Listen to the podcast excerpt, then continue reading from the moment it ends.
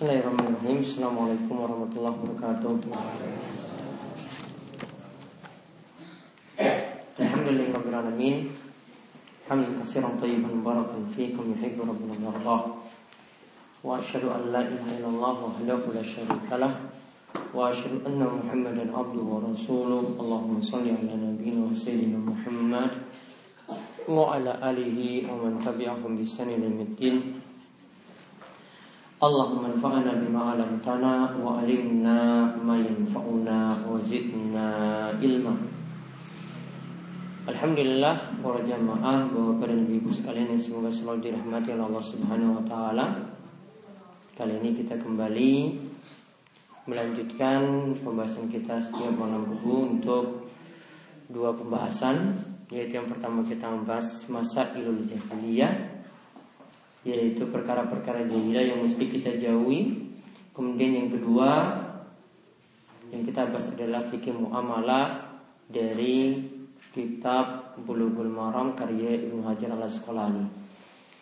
Baik, sekarang kita lanjutkan Masailul Jahiliyah Al-Mas'alatus Sadisa wa Tis'un Yaitu Masail nomor 96 Masail nomor 96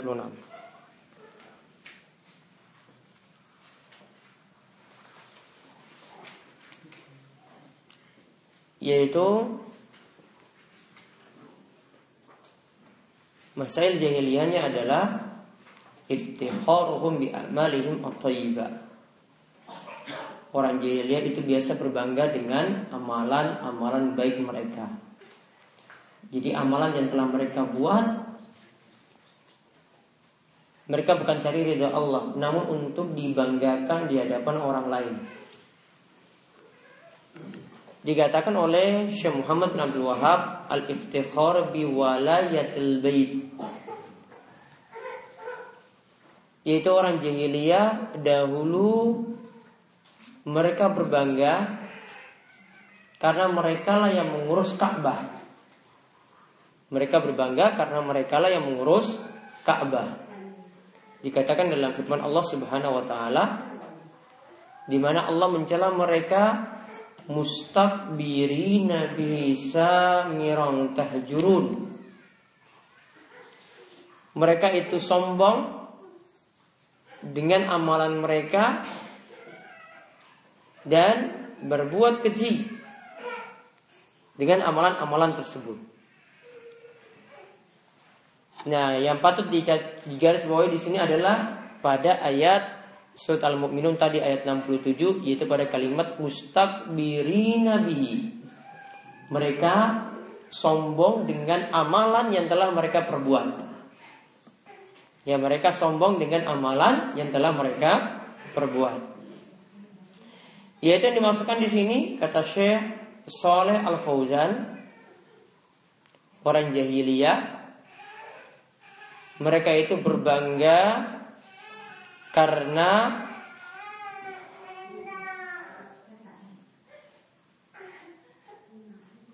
karena telah mengurus al-masyair, tempat-tempat ibadah yang ada di Mekah.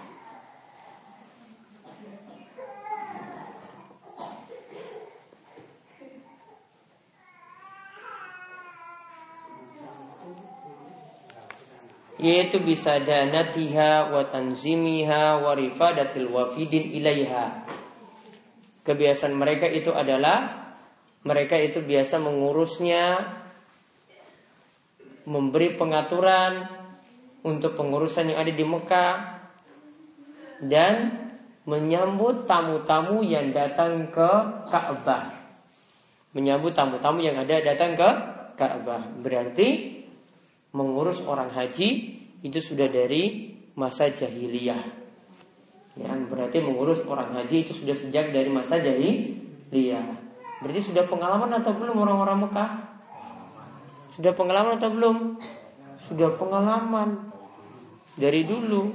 Jadi kalau orang Indonesia protes, sudah kita yang ngurus saja. Kamu ngurusnya sejak kapan? Ya, ini ngurusnya dari dulu loh, ini sejak masa jahiliyah. Dahulu itu mereka walaupun musyrik ngurus-ngurus haji. Ya, walaupun musyrik tetap ngurus haji.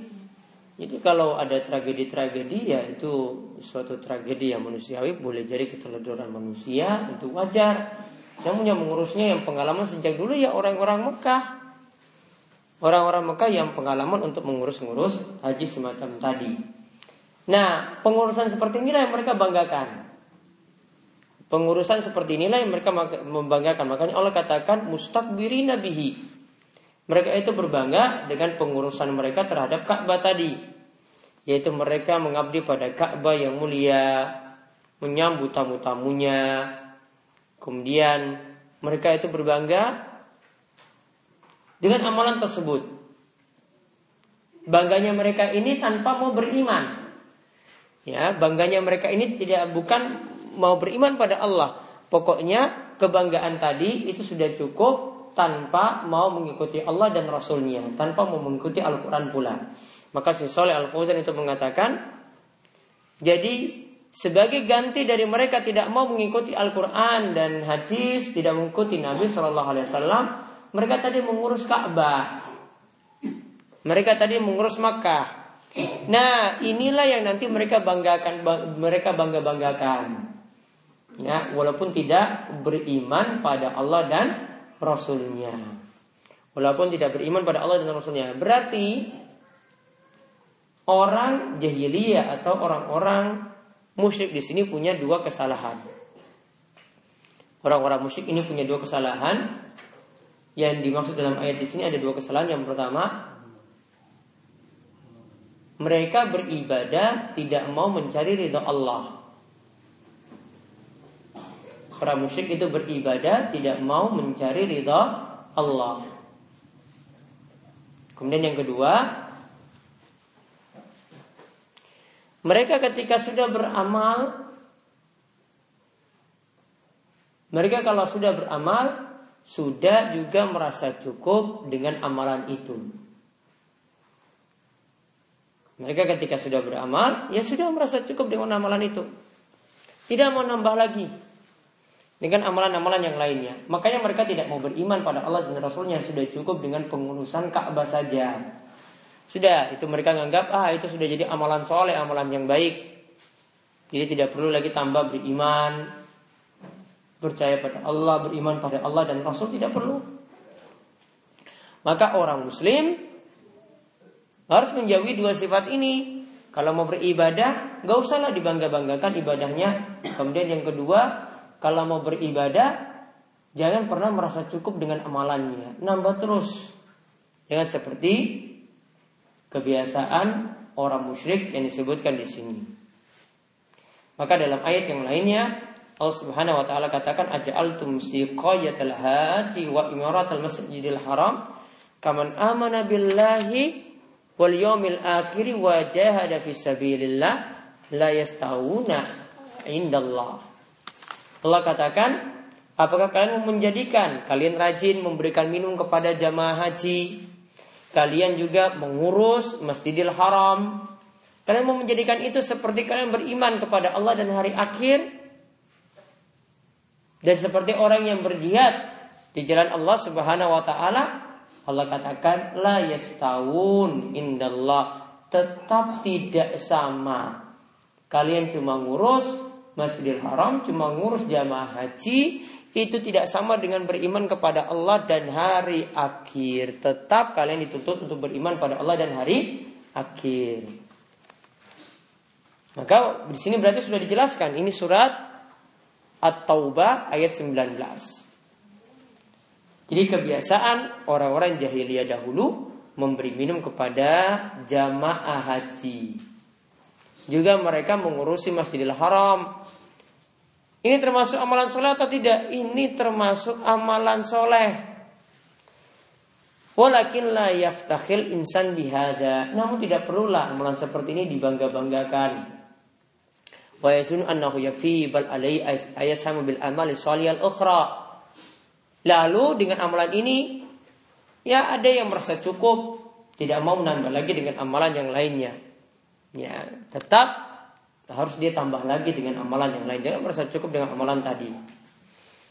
Jadi orang-orang musyrik itu menganggap ini sudah paling tinggi amalannya. Beri minum pada jamaah haji, mengurus masjidil haram, itu sudah dianggap jihad jihad fisabilillah. Ini sudah menggantikan beriman kepada Allah, sudah menggantikan jihad, ya dan dianggap sebagai amalan-amalan yang mulia. Jadi suatu kesalahan yang mereka anggap seperti itu. Maka saya Sallallahu Fauzan katakan fal insan la yaktasir ala amal wa yazun annahu yakfi. Intinya manusia jangan selalu merasa cukup dengan amalan yang telah dia perbuat. Lebih-lebih lagi dia merasa cukup sampai tidak mau mengikuti Al-Quran dan hadis. Dan di sini beliau, saya salah Fauzan ini negur sebagian orang yang berada di Mekah, yang berada di Madinah, mereka sangka bahwasanya itu sudah cukup. Tinggal di Mekah, tinggal di Madinah, negeri yang mulia, tanah suci, itu sudah ber, ber, uh, sudah mencukupi dari beramal soleh. Sampai ya sebagian orang itu yang tinggal di sana kata Sallallahu Fauzan, ya lebih mengatakan bahwasanya anak imfi yakni fil haram khairu min al-qa'im fi ghairihi wa hadza gurur min syaitan. Sampai ada yang mengatakan orang yang tidur cuma tidur saja di tanah suci tadi di Mekah atau Madinah.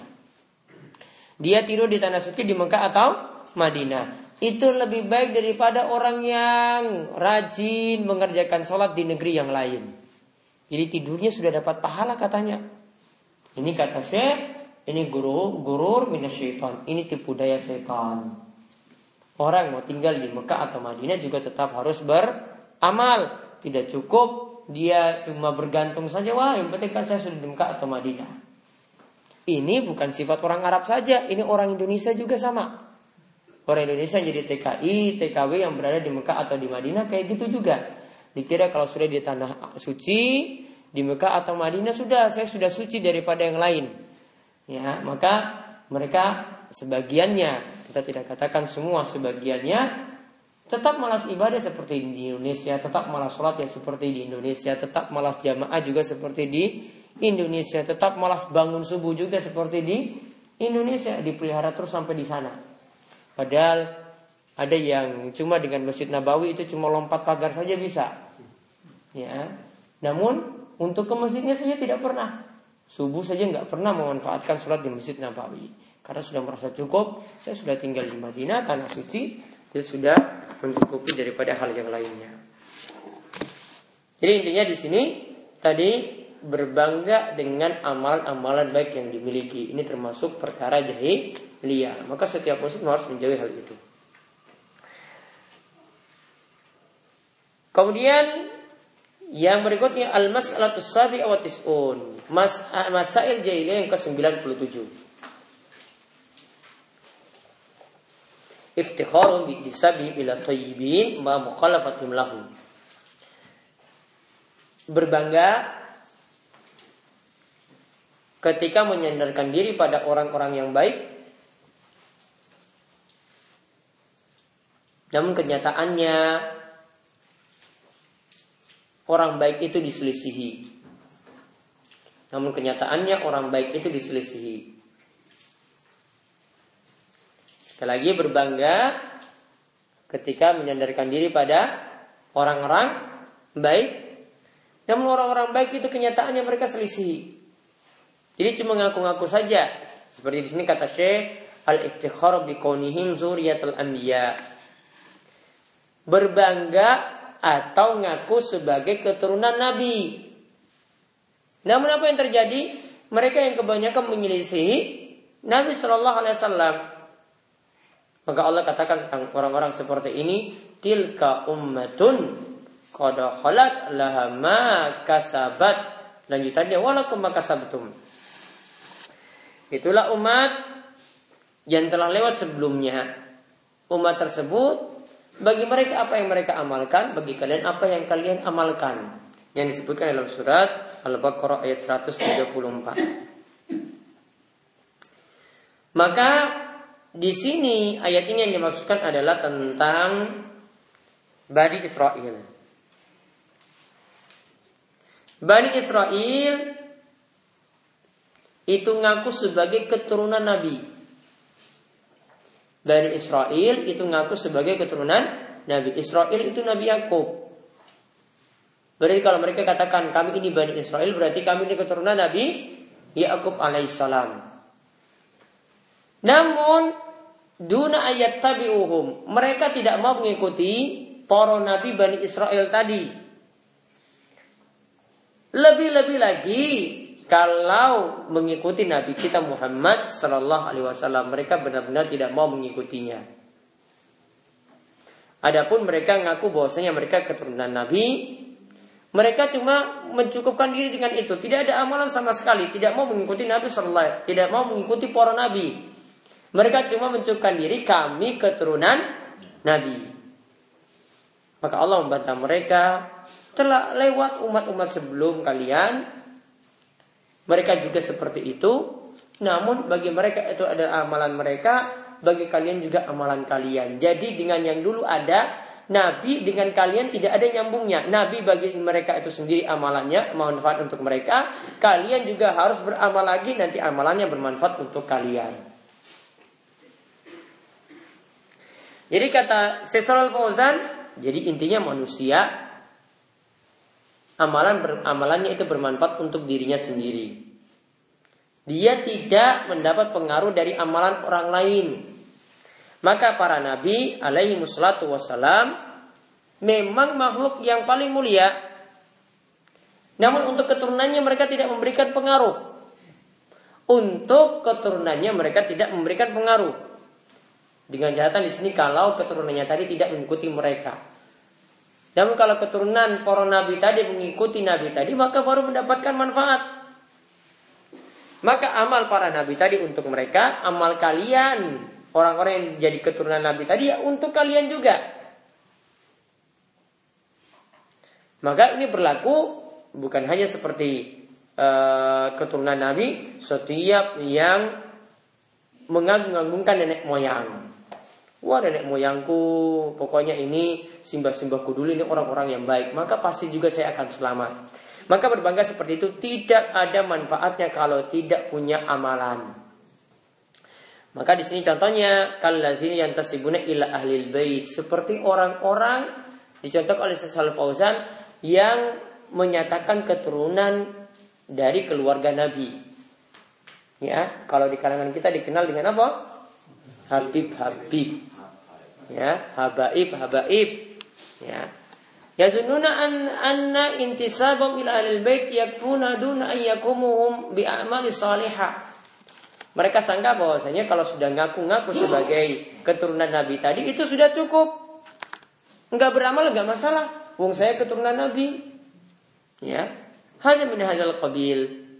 Ya, dari sisi itulah contoh yang bisa kita ambil dari masalah ini. Begitu juga ada yang bertawasul. Ini kesalahan yang kedua lagi. Kalau tadi itu berbangga karena jadi keturunan Nabi. Jadi sifat jahiliyah di sini ada beberapa macam nanti bentuknya. Yang nomor 97, 97 ini. Yang pertama tadi berbangga sebagai keturunan Nabi namun tidak punya amalan. Maka kalau jadi seorang Habib juga sama kalau jadi Habib, kalau nggak punya amalan juga sama. Tidak ada dia jadi dinilai mulia daripada manusia yang lainnya. Walaupun dia itu keturunan darah biru, keturunan Nabi, tidak punya amalan, tidak ada manfaat. Nah kesalahan yang kedua lagi,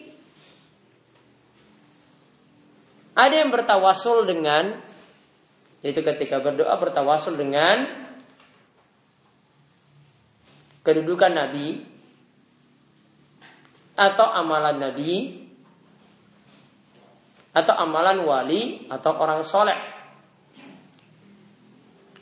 Jadi nabi yang punya amalan, nabi yang punya kedudukan, namun orang-orang ini ketika nabi sudah tiada mereka bertawasul, ya Allah kabulkanlah doa kami. Ini kami bertawasul dengan kedudukan nabi kami kami bertawasul dengan amalan Nabi kami. Amalan Nabi tidak ada kaitannya dengan amalan mereka. Amalan Nabi itu untuk Nabi sendiri. Amalan kalian, amalan manusia itu manusia sendiri. Jadi kalau ada yang bertawasul seperti ini, ini adalah tawasul yang keliru. Kenapa? Kita dapat dapat Sangga dengan ayat yang disebutkan seperti tadi. Laha makasabat wa maktasabat. Ya, bagi kalian itu amalan kalian dan ya, bagi mereka juga amalan mereka. Maka amalan orang lain itu tidak bermanfaat untukmu. Begitu juga Allah katakan laha makasabta walakum makasabtum. Bagi eh, laha makasabat walakum makasabtum. Bagi umat itu adalah amalan mereka dan bagi kalian amalan kalian sendiri. Walatus aluna amma kanu ya'malun. Dan kalian itu tidak ditanya tentang apa yang mereka lakukan. Jadi intinya masing-masing punya amalannya bermanfaat asalnya untuk dia sendiri. Ya Nabi untuk dia sendiri, ya kita manusia untuk kita sendiri. Kita tidak mengambil dari amalan Nabi.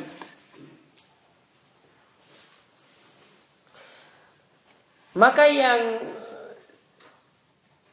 tidak dibolehkan di sini adalah bertawasul dengan para wali baik dengan keadaan mereka ketika mereka sudah meninggal dunia atau dengan kedudukan mereka. Maka yang ada amalannya itu masing-masing untuk mereka masing-masing.